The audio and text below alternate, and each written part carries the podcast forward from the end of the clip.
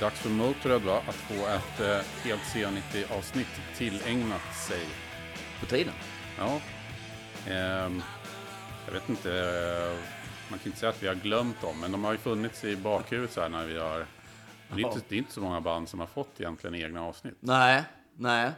Och Motorhead är jättespeciellt.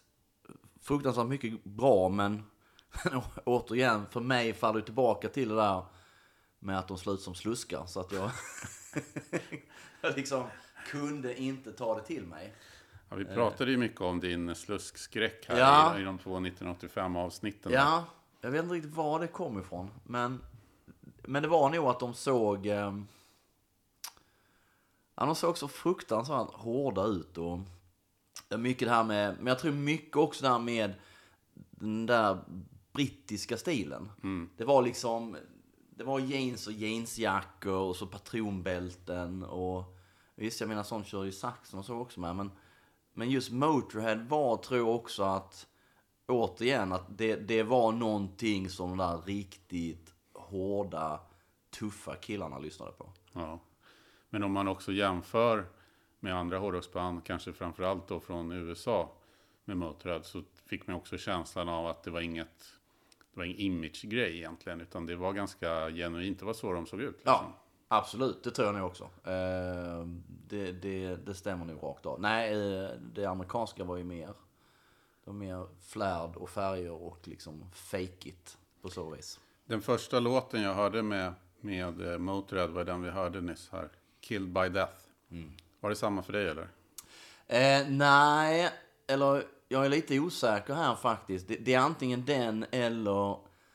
Jag har ett svagt minne av att eh, en barndomskamrat på samma gata, han hade köpt, tror jag, Born Again med Sabbath.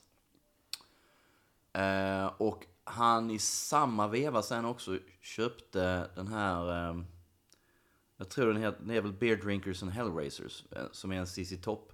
Och den han har köpt, det är ju en, det är en platta med Motörhead, det är någon sån här eh, med EP eller vad det är tror jag. Och han har köpt den som, eh, som bildvinyl. Det var ju rätt häftigt. En CC Top-låt ju från början. Exakt. Som de gjorde en cover på. Exakt. Och mitt minne av det bara var att jag tyckte det var så fruktansvärt uselt. Jaha. Alltså riktigt så här, så jag minns att jag, liksom, jag kunde inte lyssna på det. Um, och det på något vis satt nog fast ett bra tag i min bild av Motorhead. Att det var alldeles för skränigt och liksom, det, det, det, det gjorde ingenting för mig. Uh, plus att Motorhead var så, man såg, tyg, såg du tygmärken med Motorhead och sånt också. Återigen så satt det på de där riktigt tuffa stenhårda killarna med, med patronbälten och som såg lite sluskiga ut och som kanske inte riktigt klarade av skolan ordentligt. Eh, så att jag tror det är det första och den kom tror jag samma år som eh, Born Again, 83 tror jag. Men sen nästa grej är med all säkerhet som du, Kill by Death. Och det var ju i eh, Metalljournalen. Ja. Eh, som där de körde videon till, Ja. Till Killed by Death. Och det, det var ju ganska intressant att man hade ju under flera år sett, precis som du säger, Motorhead-loggan och, och Motorhead-tröjor och på, på de tuffaste hårdrockarna. Liksom. Men man hade, jag hade aldrig hört dem, inte vad jag visste i alla fall.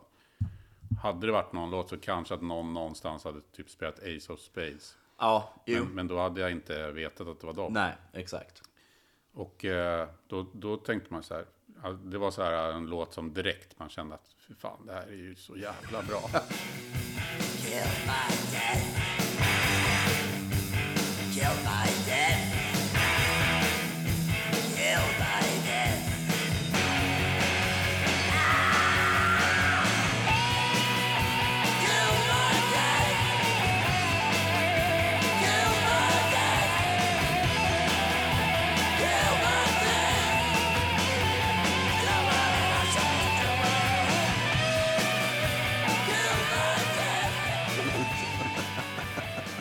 vad har jag missat liksom?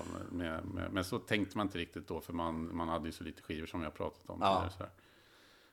Eh, och sen som tur var så köpte min klasskamrat Piotr No Remorse, samlingsskivan, som kom ut i samma veva tror jag som Killed by Death. eh, Ja, för den är på Kill by Death ju.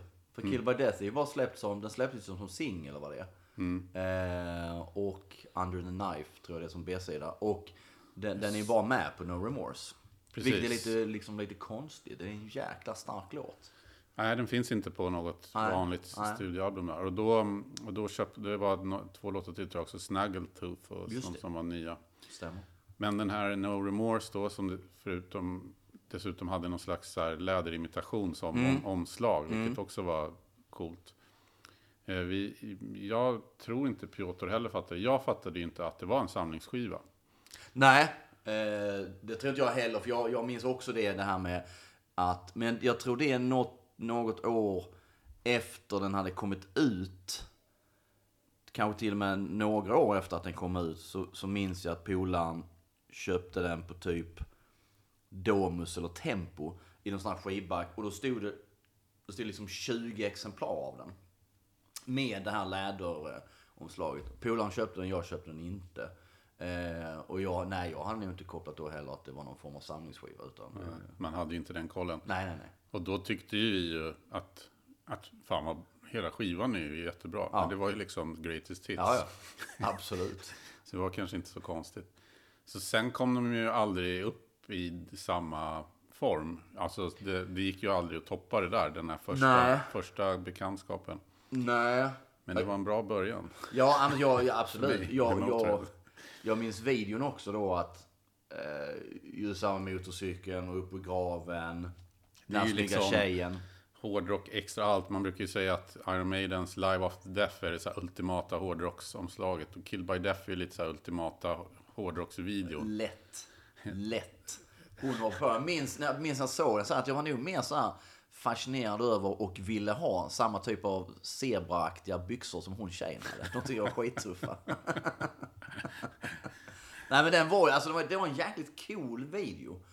Och jag, jag, jag visste kanske inte då, men jag läste sen senare att den, den blev lite så här att den, den, fick väl inte spelas.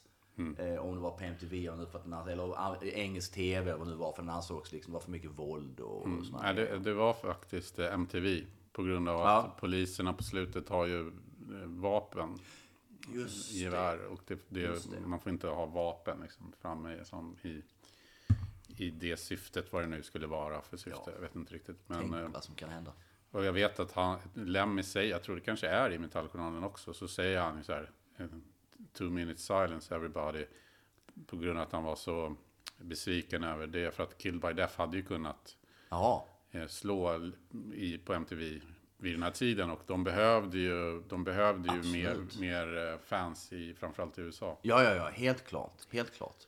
Nej, men den, den är ett sånt bestående minne just av att se det. Och, och en annan polare eh, hade ju eh, video också, så han spelade ju in allt det där, Metalljournalen och Norrsken och de här grejerna. Så att vi kunde sitta och titta på det igen och igen och igen. Och Kill by Death har jag väl svaga minnen av att det var en sån här upprepad grej vi satt och tittade på. Att man tyckte den var så jäkla cool. Och han gav fingret och, och allt sånt där. Så att, nej. Eh, men en jäkligt bra låt. Ja, där får de ju ihop allting. Samtidigt Ja. som den är, det finns ju inget insmickrande i den där låten, för Nej. fem öre.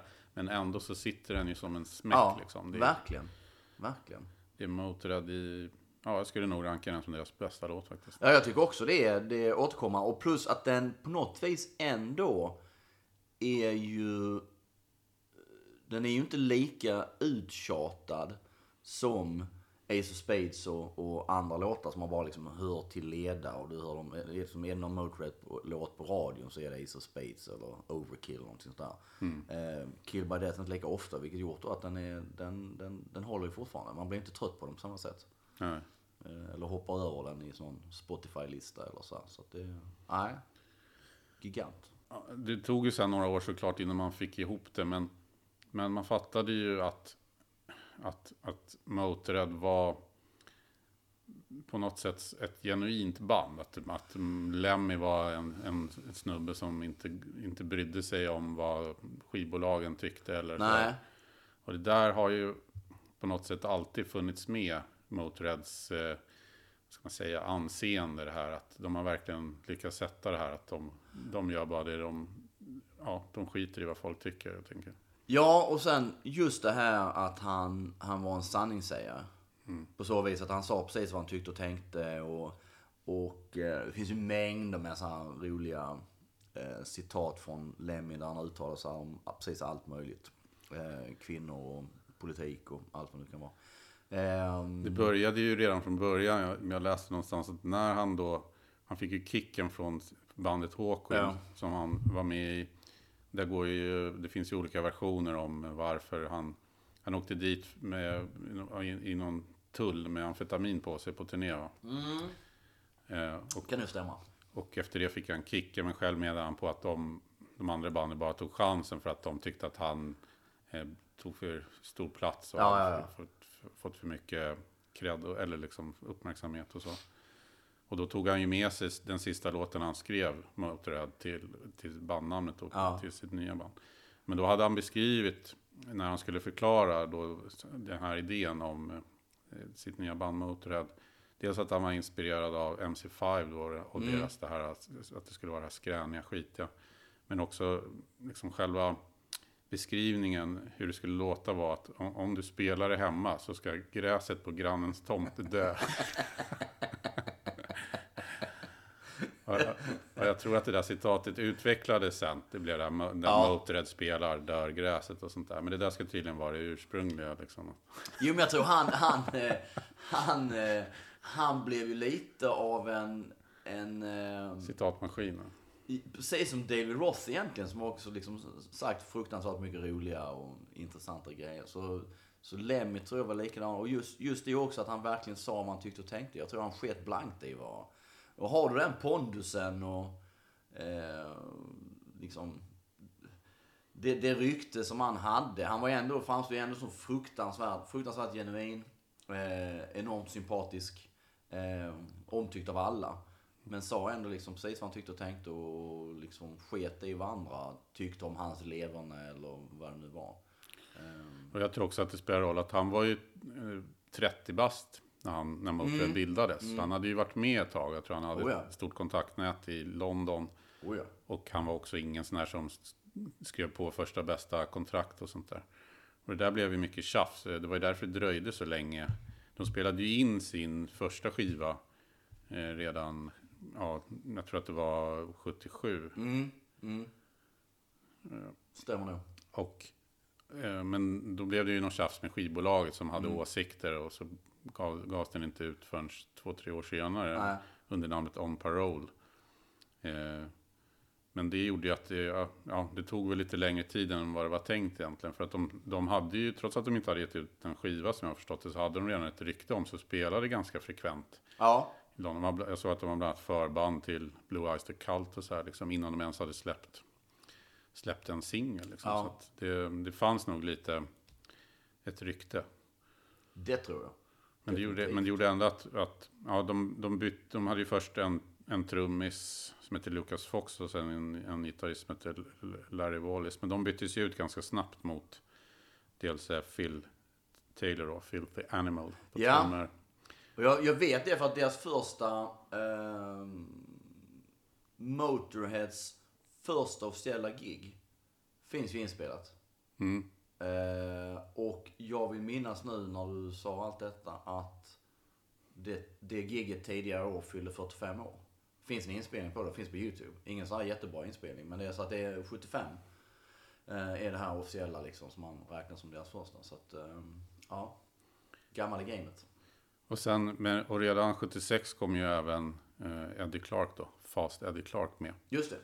Just det. Och eh, då, då var de den här, den mest klassiska line-upen Mm. var- ju redan från början då, som höll till 1982. Mm. Ehm, så att det satte sig ändå ganska snabbt, grupp, liksom hur, hur gruppen skulle se ut. Så. Ja, det är intressant att så många liksom är av, av så många av, av klassiska Motorhead är döda. Mm. Det är lite liksom har som strukit Ramones med. nästan. Ja, strukit med varenda en nästan. Galet. Ja, där kan du ju även räkna in Versal. Ja, absolut. Som är gitarrist på bland annat Kill by Death. där. Ja, ja, ja. ja. Oh, ja. Som, eh, men ja, Eddie Clark dog ju 2018. Wurzel dog 2011 då. Ja. Eh, Men Filthy Animal dog ju 2015 samma år Ja. som, som Lemmy. Ja. Vet du varför Lemmy fick eh, sitt smeknamn Lemmy? Eh, jag är inte på rak arm, det har jag ju läst någonstans. Men, Den är rätt kul. Han heter ju egentligen Ian Kilmister. ja.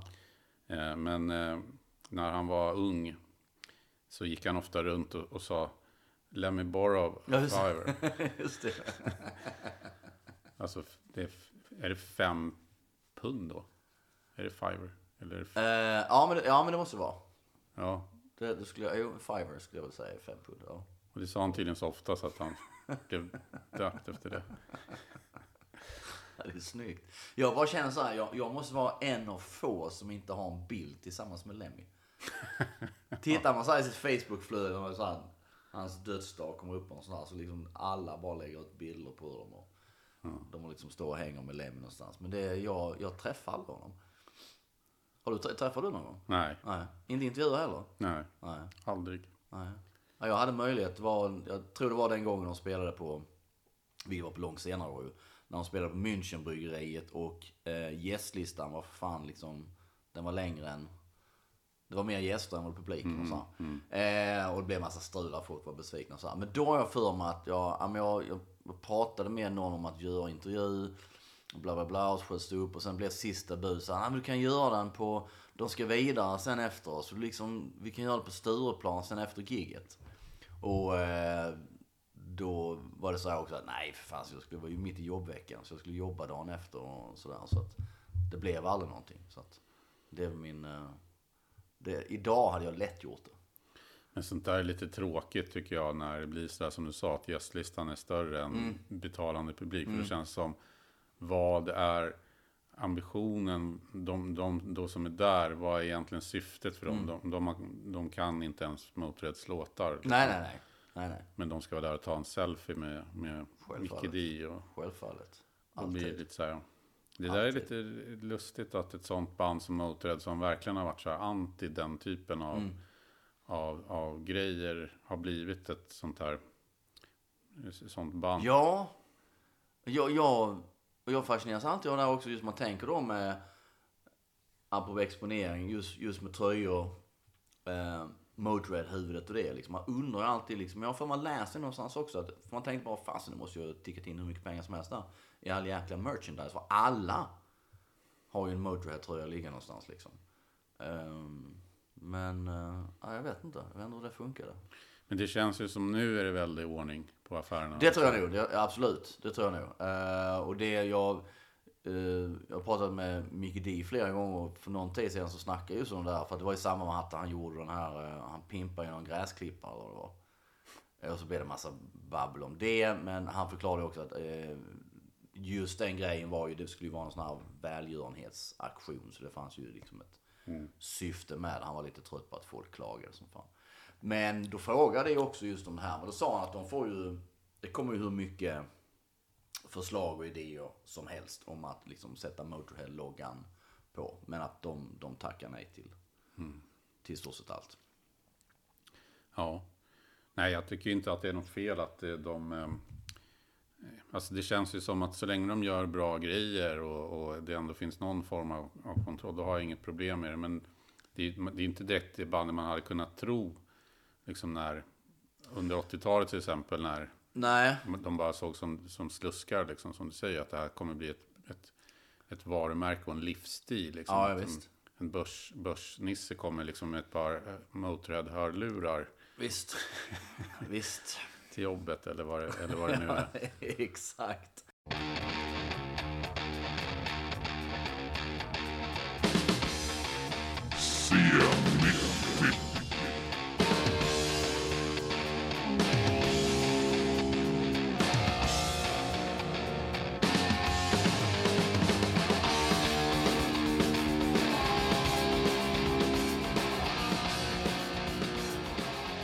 Nej men det, det, för det är till samma veva där så sa Micke det, är det att, att många, just det, att det var väl många, liksom eh, fans eller vad det nu är liksom, som klagade just på detta, att de tyckte då kanske att Motörhead-loggan dök upp på väldigt massa grejer. Helt plötsligt fanns det liksom dildos med Motörhead-logga på och såna grejer.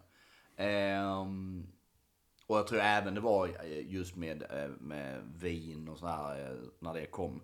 Men då, då sa han ju också att eh, Lemmy var ju helt på just när deras, det här första eh, röda vinet kom. Mm, Shiraz-vinet. Exakt.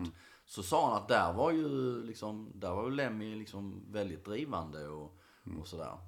Och eh, det för övrigt vill jag minnas blir ju en sån, det, jag vet inte om det görs fortfarande, men det blir ju en gigantisk fan, alltså de sålde ju sinnessjukt mycket flaskor. Och det var helt okej, jag vill minnas att det var ganska, det var ett ganska kraftigt vin. Man satt inte och slö sippade på det liksom. Ja, Jag tyckte också att det var bra. Ja, Och jag tror att det är det som behövs i, i sådana där läge. Att, att du ändå har en produkt som då kan konkurrera. Mm. Annars så blir det ju bara kul när det kommer. Sen Ja, ja. är det ingen som bryr sig nej, nej, nej, nej visst, längre. visst. Någon har det, står i någon flaska eller i någon hylla liksom. För att det är en fin, kul etikett eller samlare eller sånt där. Visst, visst, visst, visst. Men om du ändå om du kan ha ett som är lika bra som något annat. Då kan du ju lika gärna, liksom, finns ingen anledning till att du inte ska fortsätta köpa det. Nej, nej, självfallet. Men vi ska ju återkomma till Motorheads eh, drycker. Motorhead-brandade drycker. Lätt. Lätt. När var första gången du såg Motorhead då? Ja, jag, jag gick och tänkte på det också och jag, jag hade ju chansen då. 85 är det väl de gör den där Sverige-turnén de spelar liksom precis överallt. Ja, Och eh, då spelar de då i, i min eh, hemby Ängelholm. På isstadion där. Och det, jag vet, inte- jag vet inte hur mycket det var. Var det 100 pers där kanske? Eller någonting sånt där. Eh, men jag minns, eh, minns just det här och snacket ändå bland polare att Motörhead skulle komma och spela. Nu var jag ju inget fan då. Och jag minns dessutom att eh, det var någon som sa, eller jag, jag var ute på stan i Ängelholm med någon polare som sen kände en annan snubbe. Jag vill minnas att han gick under namnet Eisengarten. Och det var en sån bad boy i Ängelholm. Han var några år äldre så. Eh, men han skulle ju dit med sin polare. Och det var ju ytterligare en anledning för att jag absolut inte skulle gå dit. Eh, om sådana ruffiga typer skulle, skulle vara på det giget. Eh, men det var väl några få, eh, kanske inte min ålder men lite äldre, som var och såg Motorhead eh, i Ängelholm 85. Och sen långt, långt, långt senare, bara för några år sedan, så, så eh, var det någon som i Facebookflödet som faktiskt delade en bild som är på eh, Lemmy och Pete Gill tror jag. Eh, på, torg, då, ja. ja, på torget i Ängelholm. Utanför det som hette Kontan. Där jag sen hängde på gymnasiet 87 till 90 och drack eh, eh, ett billigt vitt vin vid namn Diamant. och hade många episka kvällar. Så den bilden finns någonstans. Jag ska ta, fasen ta och leta fram den igen. Det är lite coolt ändå. Att, för den, den ser ut att vara, det är liksom ingen så här, jag tror inte det är fotat av någon, tror inte det är någon tidning utan det är någon, någon som bara liksom sett dem och så dragit av en bild, haft kamera med sig. Så här. Ser väldigt så spontan ut. Så att det är lite kul. Men nej, jag, jag tror första gången... eh, jag var ju sen på det. Jag tror första gången kan vara... Nu vet jag ju inte ens, det kan man ju googla upp sen och se om de ens spelade i Sverige då. Men jag tror det kan vara så här 98, 99. Däromkring. Jag tror det är på Cirkus faktiskt.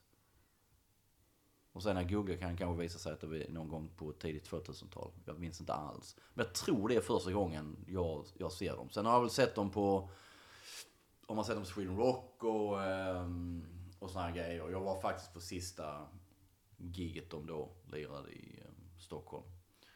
Ehm, men det, det vill jag minnas. Jag hängde med en, brittisk polare och uh, kollade på Motorhead då, på Cirkus. Jag vill minnas att jag var inte så jätteimponerad. Själv då? Ja, Jag såg dem första gången i Roskilde 93. Ah, okej. Då spelade Jävlar. de i Roskildes gröna tält. Mm. Som är liksom... Det är bättre att se ett band av... Ja, ett, jag föredrog ju de spelningarna i det gröna tältet. Det är ett ganska stort tält, men det blir ändå en annan mer kompakt. Mm.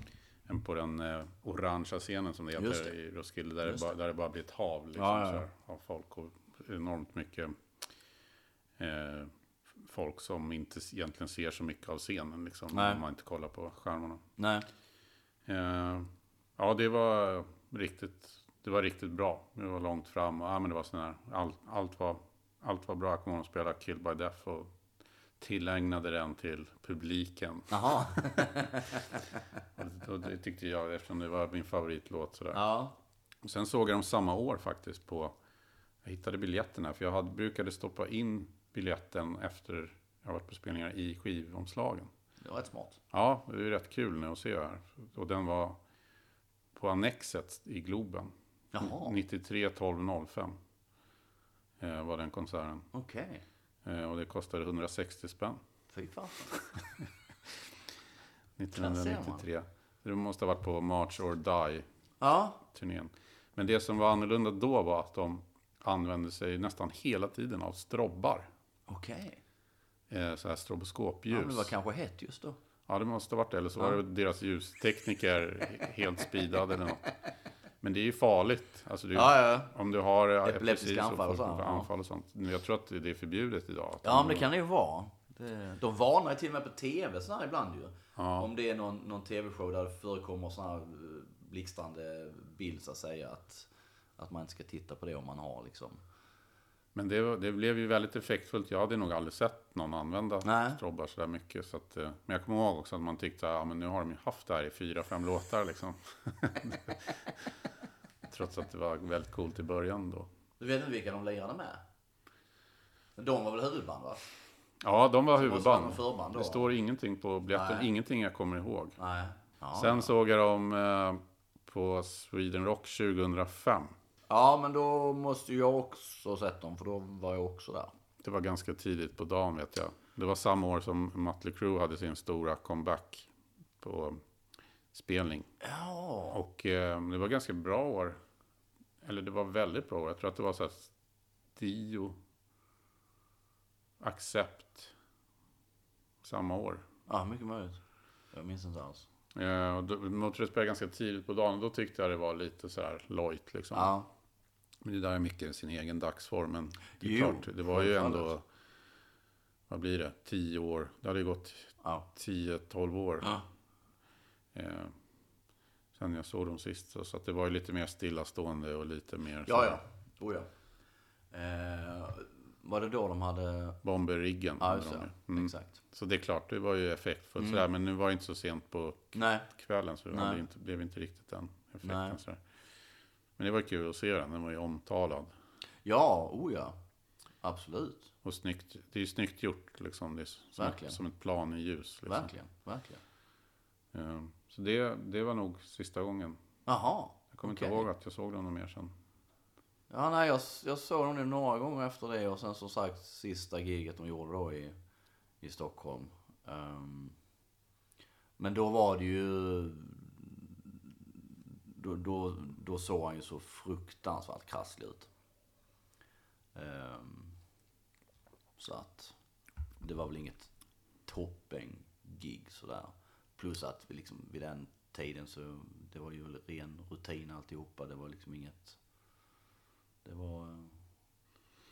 Men den där 1985-turnén i Sverige, det är ju en klassiker. Mm. Jag såg idag faktiskt att eh, hela spelningen från Gävle finns på YouTube. Jaha. Inget bra ljud och bild, men ändå, Nej, nej. ändå lite kul att se. Ja. Och, och eh, det var ju, alltså under den här tiden så tror jag att det var svårt för arrangörerna, det verkade ju så i alla fall, att uppskatta hur mycket folk de skulle dra. Ja, ja. Det, I, i, I Södertälje till exempel, där mm, skulle de ju spela i Scania-rinken. Jaha. Som liksom är en hockeyhall. Ja, ja, ja. Nu heter det något annat. Men då var det ju liksom Södertälje SKs elitseriearena. Det går in i alla fall 5-6 tusen där. Mm. Och det var typ 200 pers. Ja, men det var ju som Ängelholm. Alltså Ängelholms ishall är ju inte stor, men det, det, det gick ju in några tusen där i alla fall. Men det var ju samma. Det var ju inte många som var och tittade på det. Men då hade de ändå kört i så här två och en halv timme. Ja, ja. Och det kommer att de fick mycket cred för så här av, Jo, jo. av recensenter och sånt. Men det var också lite märkligt det där. Det var ju ett typiskt sånt fenomen som säger en del om tiden. Att då Motörhead blev lite poppis i Sverige på grund av Killed by Death spelades en gång på SVT. Ja. Och, och nästa sommar så turnerar de i eh, Sverige. Ja. Det var ju likadant med Helix. Eh, absolut. Oh ja. Oh ja. Oh ja. De, de, ja, men det var inga så här att de spelade Lund, Stockholm, Göteborg. Utan det var liksom 8-9 Ja, ja. datum i Ja, ja, Sverige. ja, visst, visst, visst. Nej, jätteintressant. Fast det är lite ju det också det, det som man kände, kanske just med eh, Sweden Rock Festival, att det kommer dit något band som inte har, de har liksom inte, de kanske har återförenats och så, de var inte superstora när det begav sig, men ändå liksom ett namn sådär. Och, och så har de kanske inte lirat på 20 år. Och så kommer de till Sweden Rock Festival och så spelar de liksom på någon så här, tre på eftermiddagen på näst största scen. Så är det ändå liksom mycket folk som kollar. Då, då tror jag det blir liksom att, att de i bandet tror att wow, fast vi drar rätt mycket folk ändå. Ehm, men liksom som, man tänker Kicks och, och sådär. Eh, och sen skulle de, komma, skulle de komma hit på en egen turné sen och spela några datorn så skulle man antagligen inte dra speciellt mycket folk. Utan festivaler blir ju annorlunda för du går ju och kollar på grejer som du kanske i vanliga fall inte skulle gå och kolla på för att du liksom Du är ändå där. Liksom. Exakt, exakt. Så att det... Men där, där vet jag, för jag, jag intervjuade han Lars Eke... Eh, måste säga rätt här. Lars Ekeberg som var lite så här svenska fanklubben. Och han skrev, han sa just det om, om eh, den där turnén 85, att de fick inte spela i Skellefteå. För staden tackade nej. Och sen spelade de på Brännarberget i Överkalix. Och folk trodde att brandlarmet hade gått för de spelade så jäkla högt.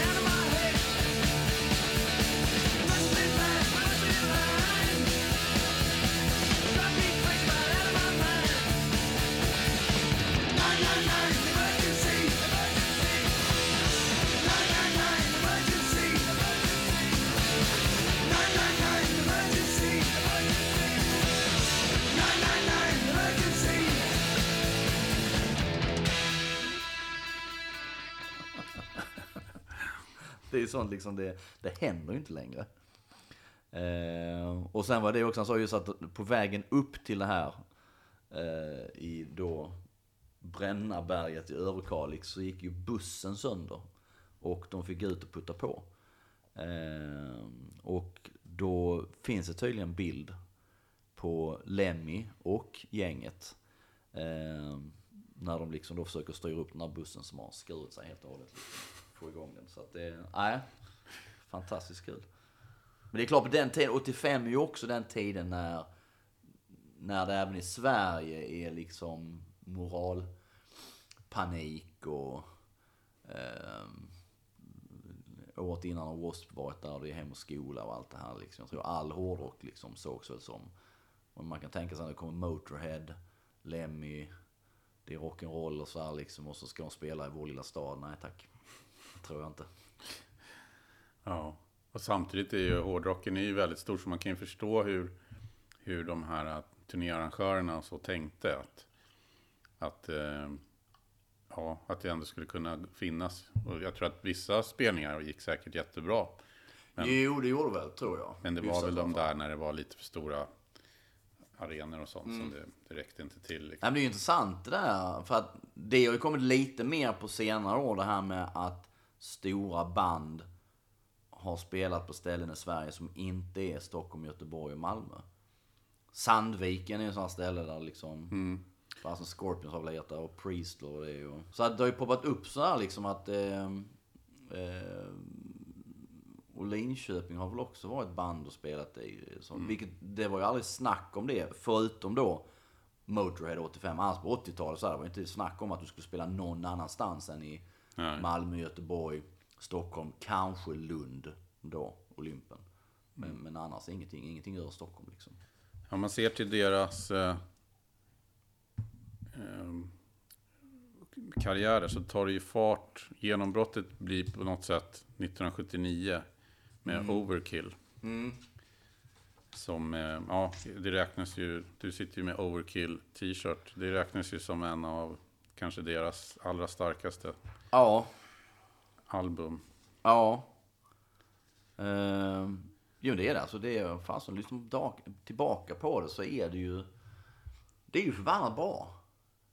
Och jag de senaste dagarna har lyssnat väldigt mycket på Motörhead så har jag känt så här mer, ja man borde kanske köpa upp fler plattor med dem. ehm, än de, de jag har. Och sätta sig in i det lite mer. För den, där finns ju väldigt mycket att, att eh, upptäcka. Och massa albumspår som man inte har koll på. Som, som är många gånger ofantligt mycket roligare än de här typiska Motörhead-låtarna som alltid dyker upp hela tiden. Motörhead har väl haft det problemet kanske att man inte har gjort någon riktig sån här äh, praktverk. Som sån här rakt igenom. äh, Utan Nej. Man har haft en ganska så tät eh, utgivningstakt. Ja. Och man, det finns klassiska låtar, men eh, oftast då, jag tycker faktiskt även Over, Overkill och Bomber som kommer samma år. Mm. Och även Ace of Spades då som, som släpptes 1980 som fyller 40 år i, Mm. i år. Då. Mm. Eh, att, att, visst, det finns några klassiska spår som de spelar än idag. Men det är lite fillers-varning också på en del. Ja, och det... Absolut. Ehm, men sen är det ju ändå... Det är ju lite intressant ändå att Motorhead var ändå detta namn som alla känner till Motorhead. Ja. Alla känner till Lemmy. Oavsett om du lyssnar på musik eller inte så vet alla.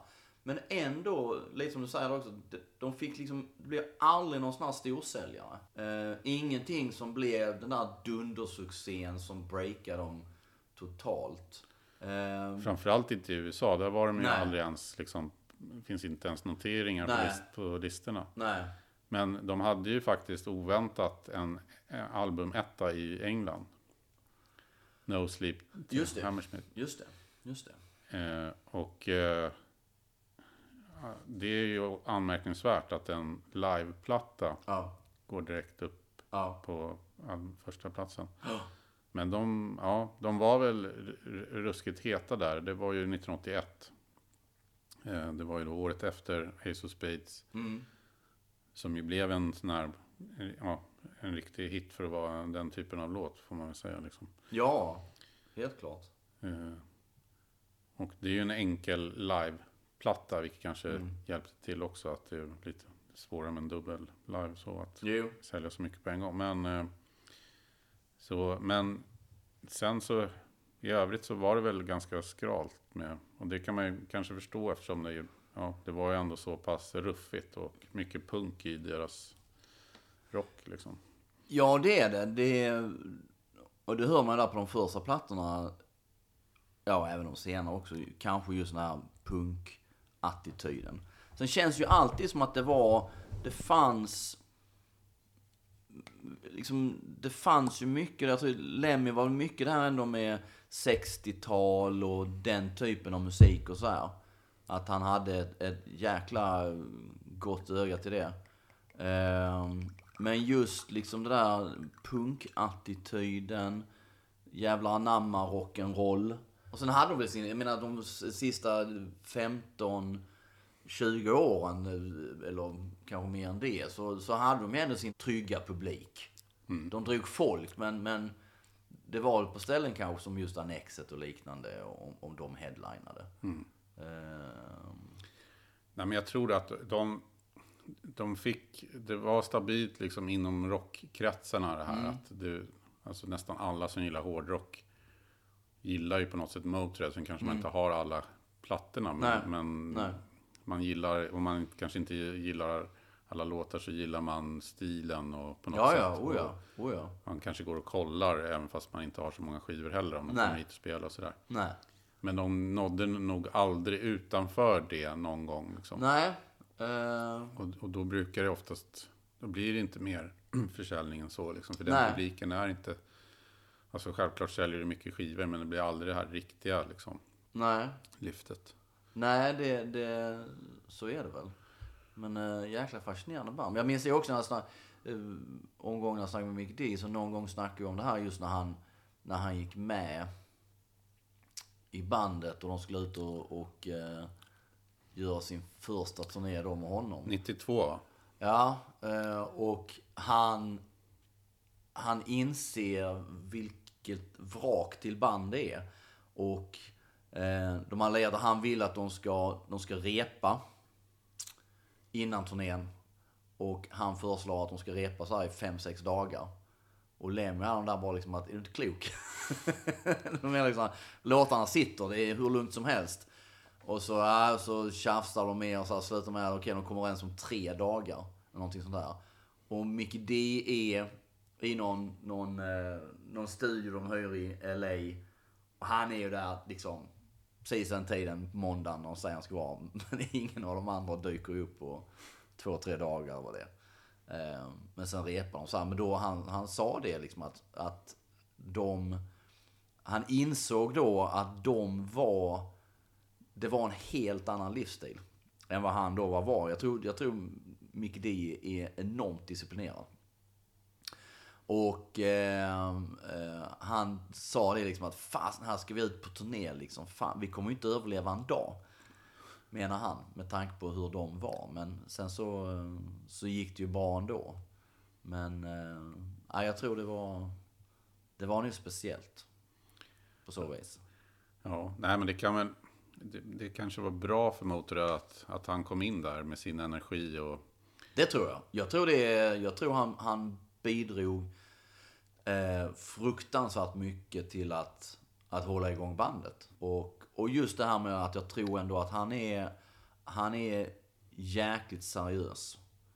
Eh, och nog disciplinerad på så vis liksom att det, det, det ska fan låta bra liksom. Vi kan inte gå ut och göra någonting halvdant här nu liksom. Trots att ni har lirat så länge. Eh, så det tror jag absolut att det, det, det, det hjälpte nog. Ja, han kom ju med 1992. Hans första skiva är ju March or Die. Eller March or Die. Eh, han spelar på den va? Visst är det så? Eller? Eh, är det den han kör, eh, är det inte den han bara kör en låt på? Är det den som är Hellraiser? Eller det, det är någon... Just det, han är med i alla fall på, Ja, på skivomslaget. Men han spelar inte på alla låtar. Nej. Och sånt där. Men från den tiden där. Sen dess så släppte de ju ungefär tio plattor. Och sånt. Fram till, Ja. alltså om man ser till bara studioalbum. Ja, något sånt, lite drygt. Ja. Eh, Och jag tror att även om de inte liksom, de ligger ju på en nivå under de största hårdrocksbanden. Men det, det, det fanns ändå det här stabila, liksom att det är ett det rullar på. Sen, sen kan jag tycka att alla de här skivorna som de gav ut sen Micke D kom med, det, det, har inte, det är inte hans fel, men det, på något sätt så har det aldrig funnits liksom, material för en hel platta. nej. Och jag, jag tror lite så här, lyssnar jag på de plattorna så kan jag se, tycker jag kanske också att det många gånger saknas den charmen som kanske var på de andra tidigare plattorna. Ja, Eh, och att det blev mer... Ja, men kanske lite mer statiskt något vis. Ja. Alltså, det var verkligen efter en formel och, så här är det. Eh, sen, sen massor med fantastiskt bra låtar under den. Jo, men det är lite så här två, tre bra på varje Ja. platta. Men det är lite, lite tycker jag för att, eh, för att det ska, ja. Det är, inga, det är inga skivor som man sätter på idag liksom och lyssnar på. Nej. inte jag. Nej. Den, den sista som jag tycker är bra, det är ju 1916 som kom Ja, just det. 1991. Som det Just det. faktiskt är, eh, ja men där är det starkt låtmaterial. Ja. Och den blev ju lite ett lyft där, men så hade de en massa eh, problem med skivbolagen och sådär. Ja. Men, eh, ja, nej, den... Där har ett starkt låtmaterial och nästan inga direkta fillers sådär. Nej. Som, som det sen blev. Det kändes lite som man, man gick in i studio och hade två, tre låtar och sen fyllde man ut med lite så här halv... Bara för att ja, fylla ut helt enkelt. Eh, Säkert, säkert. Det- Men det... Nej men där, där, där, jag vet också, Micke D har sagt det, att det var han, jag menar på de, på de senare åren, det var han och Phil menar som, det var de som gjorde mycket, mycket av musiken. Lemmy texterna och Lemmy la liksom melodin och sådär, men att det var mycket och, och, och många gånger kom de med idéer som kanske då inte var eh, inte var Motorhead som så. Och Lemmy var alltid liksom vad fan vill ni att jag ska sjunga till det här liksom? Ehm, och, eh, och många gånger stod de på sig och det blev bra liksom. Många andra gånger så var det bara liksom, de fick inse att okej, nej. Det här passar inte. Nej, nu är det dags att dricka lite Motörhead Premium Dark Rom va? Oj, oj, oj, oj, oj, oj, oj. Den här har ju alltså vunnit flera priser i, ute i ja, sådana här olika tävlingar för, i, inom dryckesindustrin. Du, den slank ner. Ja, Den var nätt och fin den. Eh, men rommen eh, hör ju till den, den, eh, den som går bäst av deras produkter Ja. som är Motorhead-brandade. Och det har ju blivit en stor framgång. Born to lose, live to win. Ja, Jo, men den, det måste jag säga. Den var god. Rom är gott. Ja, det är utan tvekan. Men återigen så, så är det ju det här att när det är kvalitet på prylarna så då funkar det ju. Ja, helt klart. Helt klart. Det är, men idag, det är också det, det är så många sådana här, det kommer ju grejer varenda vecka. Eh, eh, med allt möjligt, inte bara sprit och vin och sånt utan det liksom, man märker det att tiderna förändras och band och artister måste hitta nya vägar och liksom få ut sitt namn så att då, då sätts loggan på lite vad som helst och Ja, allt det, är det, kanske inte helt lyckat. Det var, jag tänkte på det här en vecka. Det var roligt att jag lyssnade på en podd som heter Patch-trollen. Ja, ja. Eh, Och eh, han, eh, då, då träffade de ett Judas Priest-fan. Ja. Ett otroligt stort Judas Priest-fan som har tatueringar över hela kroppen med Priest och sett dem över, överallt. Och han sa att Judas Priest kommer aldrig att, att sätta sitt namn på någon sprit eller så. och nu såg jag att det fanns Ja, ja. Judas Priest, var det whisky va? ja jag för mig också det någonting sånt. Ja. Jo då. Det är väl klart. Herregud, klart man ska ha det. Ja, det finns. Slayers rödvin gillade jag. Blood, eh, Blood Red. Ja, jag, jag vill minnas att jag var lite eh, besviken på det. Ehm, Ja, jag gillar det faktiskt. Och sen Ja. gillar jag faktiskt också Iron Maidens eh, öl. Jo, men de, de är helt okej. Eh, jag känner, jag har druckit massa sådana här liksom Maiden. ehm, jag minns att jag drack Amon Amarth hade gjort någon sån här mjöd. Mhm. Drack ur ett horn då. Så här. Nej, faktiskt inte. Nej, men Ma- Maiden, just den här uh, The Trooper som den heter med... eh, det som är kul med den är att den smakar ju annorlunda. ja, N- När, om det bara är så här en vanlig lager ja, och det är ingenting, du, du känner inte egentligen nej. Du skulle inte känna igen smaken Nej, liksom, nej. om, om du testar tio andra. Då blir det så, ja okej, det var Ja. en etikett på en flaska. Ja, Liksom. jo. Men om det är lite annorlunda smak så här, då blir det genast lite roligare. Oh ja, absolut. När man, när man känner att det faktiskt finns en genuin tanke bakom det och inte bara en, en etikett. Då, då är det en helt annan grej. Ja, Verkligen. och jag tror ju att deras... Eh, deras eh, och, och Motörhead har faktiskt också en Red Ale som är god. Ja, okej. Ja, just det. Ja. Och även eh, Bastards-ölen. Ja. Helt okej faktiskt. Ja. Så att, eh, nej, Ja. jag tycker att de eh, gör det med, med heden i behåll faktiskt. Mm. Jo. Jag minns, äh, apropå sprit så... Mickey D berättade en story om Phil Campbell. De var, jag tror de var ute och turnerade med Black Sabbath. Och jag för mig de var i, det kvittar ju, har inte ett skvatt med det att göra med att de var i San Jose. Och eh, Phil Campbell är dyngrak innan giget. Och Mickey D får världens panik. Liksom hur, hur fan ska vi kunna genomföra giget? Han är ju liksom medvetslös. Och de, de, de släpar in honom i duschen och duschar honom så här. Och eh, han, han fattar liksom hur ska detta gå. Och Lemmy kommer fram och lägger handen på D's axel och säger bara liksom att det är lugnt, det är inga problem. Jag har sett honom värre.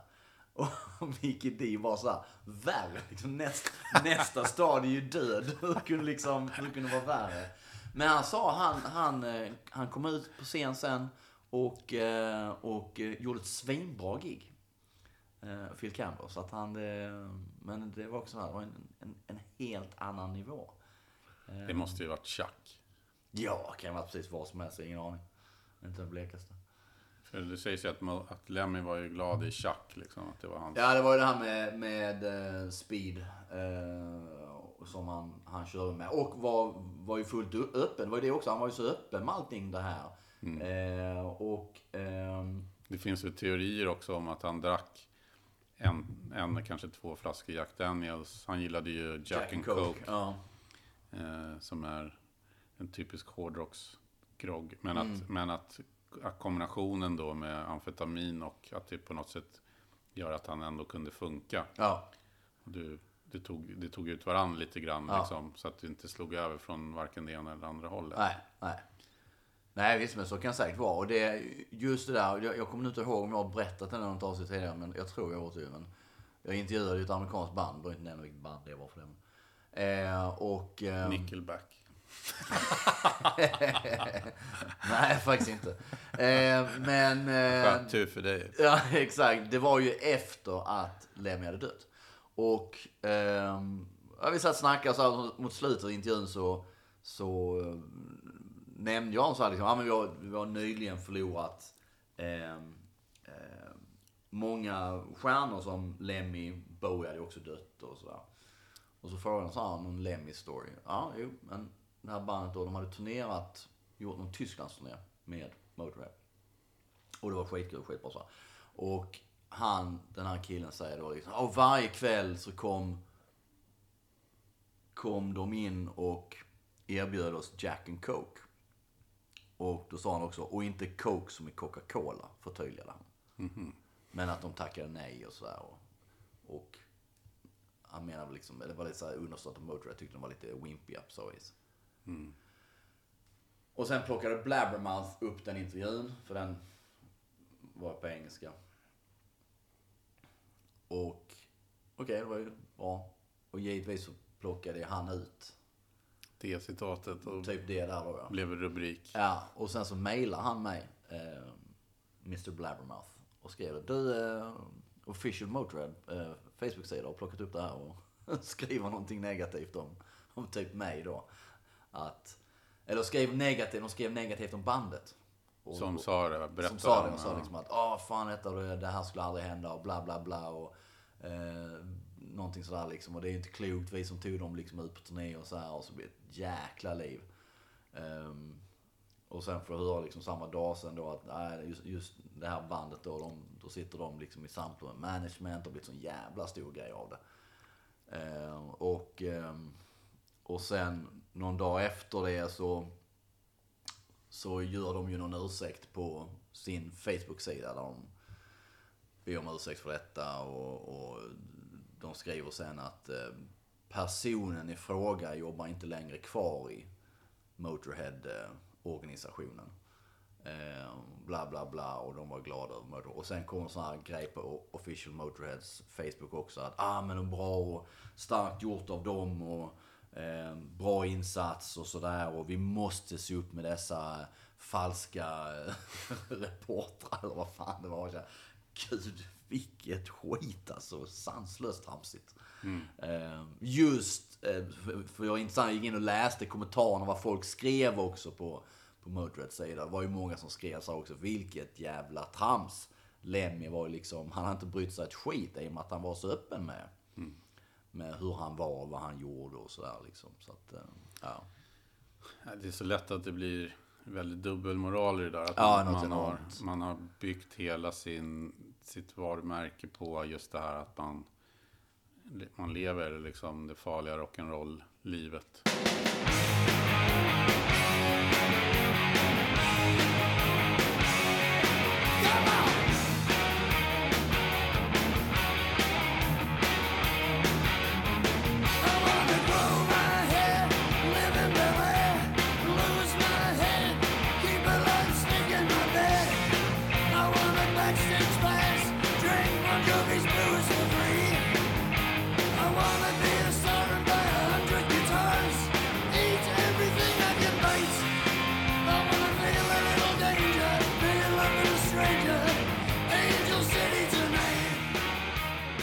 Ja, ja visst. Självfallet. Och där, jag vet också, nu ska jag bara droppa grejer jag gjort där. Men jag intervjuade Alan Burridge som drev eh, Motorhead Banger, eh, fans, liksom deras fanclub-tidning, blev, blev deras officiella eh, under många, många år. Ja, just det. Det var ju omslagsintervjun. Det var en Tidningen ligger omslags- där under. artikel i, i Sweden Rock med Lemmy på omslaget. Han står med dynamitgubbar. Vilket var jag jätteglad över. Jag, jag visste faktiskt inte att den skulle bli, för jag hade gjort den eh, långt innan tidningen kom ut och visste inte alls att det skulle bli en omslagsartikel. Så det, det var jag jäkligt glad över. Men eh, Alan Burridge så, han pratade också om det här med hur liksom han såg aldrig Lemmy berusad trots att han liksom visste att han, att han drack väldigt mycket. Så här, så sa han, han var aldrig liksom, han var aldrig otrevlig eller någonting sådär. Och han mindes, jag frågade så här, om han har något kul så här, just Lemmy eh, minne. Och det var det från 83, Another Perfect Day. Han har med sig sin fru, de är på gig. Och eh, vad heter det, de är backstage. Och eh, Lemmy kommer då in och frågar om de vill ha någonting att dricka. Och Alan tackade ja direkt, han tog sån här Foster-öl. Och sen vände sig Lemmy till hans fru och frågade då vad hon ville ha. Och hon svarade snabbt, jag tar samma som du. eh, och jag Det är ingen bra idé. Nej, exakt. Lemmy- exakt. Och Alan, Alan sa det, han tänkte dig dumma människa, du säger inte sånt till Lemmy. Och eh, hon fick då ett pintglas med 50-50 Smirnoff vodka och apelsinjuice. Eh, och hon, hon drack ju sin drink och sen så stod hon ute på parkeringen och spydde. Eh, och han sa att hon var stupfull och lät som en babblande idiot. Ja. Men det, ja nej, det är hardcore verkligen. Sorry. Men det är ju lite fegt med 50-50 alltså. Ja, absolut. Det kan man ju lugnt säga. Det borde vara 90-10 eller någonting sådär om det ska vara riktigt ordentligt. Men just Another Perfect Day är ju faktiskt en lite annorlunda Motörhead-platta. Det är ju sån där som många Motörhead-konnässörer plockar upp som kanske deras, ja, kanske inte favorit, men en, den var ju lite sådär äh, bespottad när den gavs ut. Jag tror att till och med bandmedlemmarna så dissade. Ja, mitt minne är det också att, att, att den inte ansågs vara så bra och att den fick dålig kritik tror jag. Det är ju första skivan utan eh, Fast Eddie Clark på gitarr. Just det, Och då kom ju Brian Rob- Robertson då in som eh, hade varit i Thin Lizzy Exakt. innan. Och eh, det borde väl ha varit en eh, bra idé, men han var ju... Eh, ja, han genomgick ju någon form av... Eh, ja, Brian Robertson var väl inte helt stabil liksom. Så- Nej, nej. som, Eh, Han blev kickad från Thin Lizzy för att det var bråk och sånt där. Och, och framförallt så var det ju, alltså han, han spelade ju gitarr, han spelade ju gitarr ganska annorlunda mot eh, Fast Eddie Clark. Men det roliga var ju att han hade ju en helt annan stil, alltså i, i kläderna. Vilket han inte hade i Thin Lizzy. Där, man ser gamla bilder på honom, då hade han nog funkat. Men han hade ju på något sätt, han såg mer ut som att han ehm, var med i Ultravox eller något sånt då. Och sen hade han ju tydligen någon, Lemmy hade ju sagt det att liksom i början så tyckte han att på ett sätt var lite coolt att han körde sin nya stil trots att han då kom i Motörhead Ja. och inte försökte se ut som han och Lemmy och Filthy. För det, Lemmy gillar väl lite sådär att du ändå vill våga vara dig själv och så. ja, säkert. Säkert. Men att det gick för långt när han liksom kom med ballettskor. och sen sådana här shorts som liksom var, såg ut som tanga-badbrallor. Ja, nästan. just det. Och pan, här pannband. Ja, jag vet exakt. Tennispannband. Ja, ja. Men för övrigt, just, just med shorts, det finns ju sådana härliga bilder på, eh, på Lemmy. Där Ja, han har sådana här avklippta jeansshorts som är liksom, är ju tanga där fickorna hänger ner när han står på någon jävla balkong i LA eller det som ser ju rent horribelt ut. Nej men det tror jag, han hade väl lite annan stil och just annan gitarrstil. Men jag, det var också en sån platta som någon, någon polare köpte när den kom. Och jag har inte så mycket minne av det mer. Det var väl samma där igen, just att Motor passade inte. Men sen långt senare när jag lyssnade på plattan så insåg jag att fasen, där finns mycket på den som är riktigt, riktigt bra. Eh, titelspår tyckte jag helt suveränt. Helt suveränt. Eh, Shine. Shine, absolut. Och den här Dancing on your grave. Eh, Just det vilka jag lyssnade på på vägen hit. Eh, fantastiska låtar.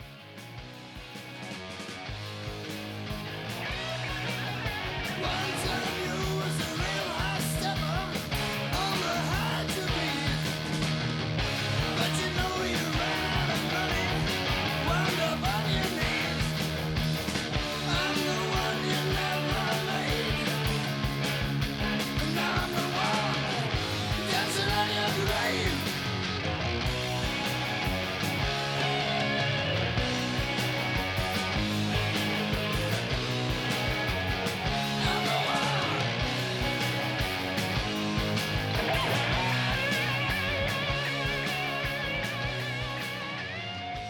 Men, liksom en helt annan... Det är, liksom, det är någon annan melodi, det är ett annat gitarrspel, det är lite mer... Liksom, Melodiskt, ja. Ja, det är det. Det var lite mer laid back på någonting, på något vis. Det, det, det är inte så här pang på rödbetan-stuk. Men jag tror också att Lemmy sa flera år efteråt att han själv hade ändrat åsikt om Ja. skivan och att de ofta plockade upp några låtar från den skivan och Ja. spelade. Det var Ja. fem, sex låtar som Ja. ofta förekom i live. Ja, Inte konstant, men lite då och då sådär liksom. Så att, eh, jo, och framförallt tycker jag så här efterhand också att eh, jag gillar omslaget. Mm. Det är lite artsy sådär, men jag, jag gillar verkligen det. det. Det är jäkligt snyggt på något vis. Jag vet inte vad det är. Ehm, men jag, alltså minne säger mig också så här, just det där att den- blev inte mottagen på ett bra sätt. Och svagt minne av att det kanske då inte blev så mottaget, bra mottaget i Kerrang och sådana tidningar också. Att man tyckte inte riktigt det var. Och så kan det ju varit liksom, om man var van vid det de hade gjort tidigare. Där det var lite mer kanske då pang på och... Men sen är det väl alltid sådär också när det är en, en line-up som har satt sig, som har suttit ett tag. Och Eddie Clark var ju populär gitarrist såklart. Och så byts det ut mot någon som kommer lite otippat då från Thin Lizzy Ja. ett annat typ av band. Och, så, och det blir annorlunda. Då blir det ju oftast Jo, att folk är negativa. jo, jo. Och han, alltså han Robertson är ju en sån man undrar hur han överhuvudtaget har överlevt. Jag gjorde någon telefonare med honom han släppte, han släppte ju någon platta Diamonds någonting för, jag vet inte hur många år sedan det kan vara. Då gjorde någon telefonare med honom. Men han var ju, det var ju liksom, han var ju kul att snacka med. Eh, och då var, lät han ju liksom helt liksom together och, och så här. Och då tror jag han hängde, jag vet inte om han bodde i Sverige. Eh, men jag tror han hängde mycket i Sverige och sådär. Så att, eh, Men att numera tror jag att han är ganska så risig. De har en för många av de där, han har förmåga att hamna i Sverige. Ja, det, det, det, ja, det, det är jätteintressant. Och det är inte Glenn Hughes i Sverige ett tag också? Jo, han var här liksom då när han liksom Ja. koksade hej vilt och allting sånt där. Jo visst, det är många. Oftast är det väl flickor som drar hit liksom, att de träffar någon och så. Dave Windorf bodde ju, Måns Magnet, han bodde i Örebro många år. Ja, just det. Och Johnny Thunders bodde i Ja, ja för fan. Skärholmen, vad var det? Ja, ja något sånt där. Och Tyler Doxter Moore bodde här just också. det. Det. Ja. Och jag, jag har haft mejlkontakt med, jag ska göra intervju med Alan Niven som var Guns N' Roses manager 86 till 91. Han bodde i Göteborg i två år. Innan han kom till LA. Så, var, så det är okej. Får öppna med det. Hur fan hamnade du i Göteborg? Men det drar väl på någon vänster. I see that nothing's changed. It's just some playing games. Some waste your time you are, and you're so popular.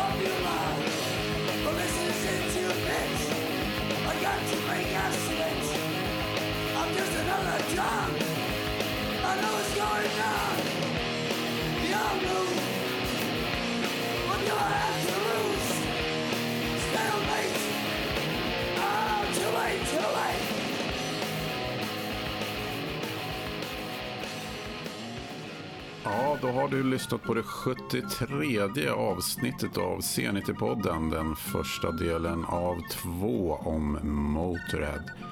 Jag heter David Bogerius och min poddkollega heter Niklas Müller Hansen. Tack till alla som skriver och kommenterar om Zenity-podden i sociala medier. Och ett stort tack också till Brands for Fans. Om du vänder på kassetten kan du höra hela sagan en gång till och du behöver inte spola tillbaka bandet.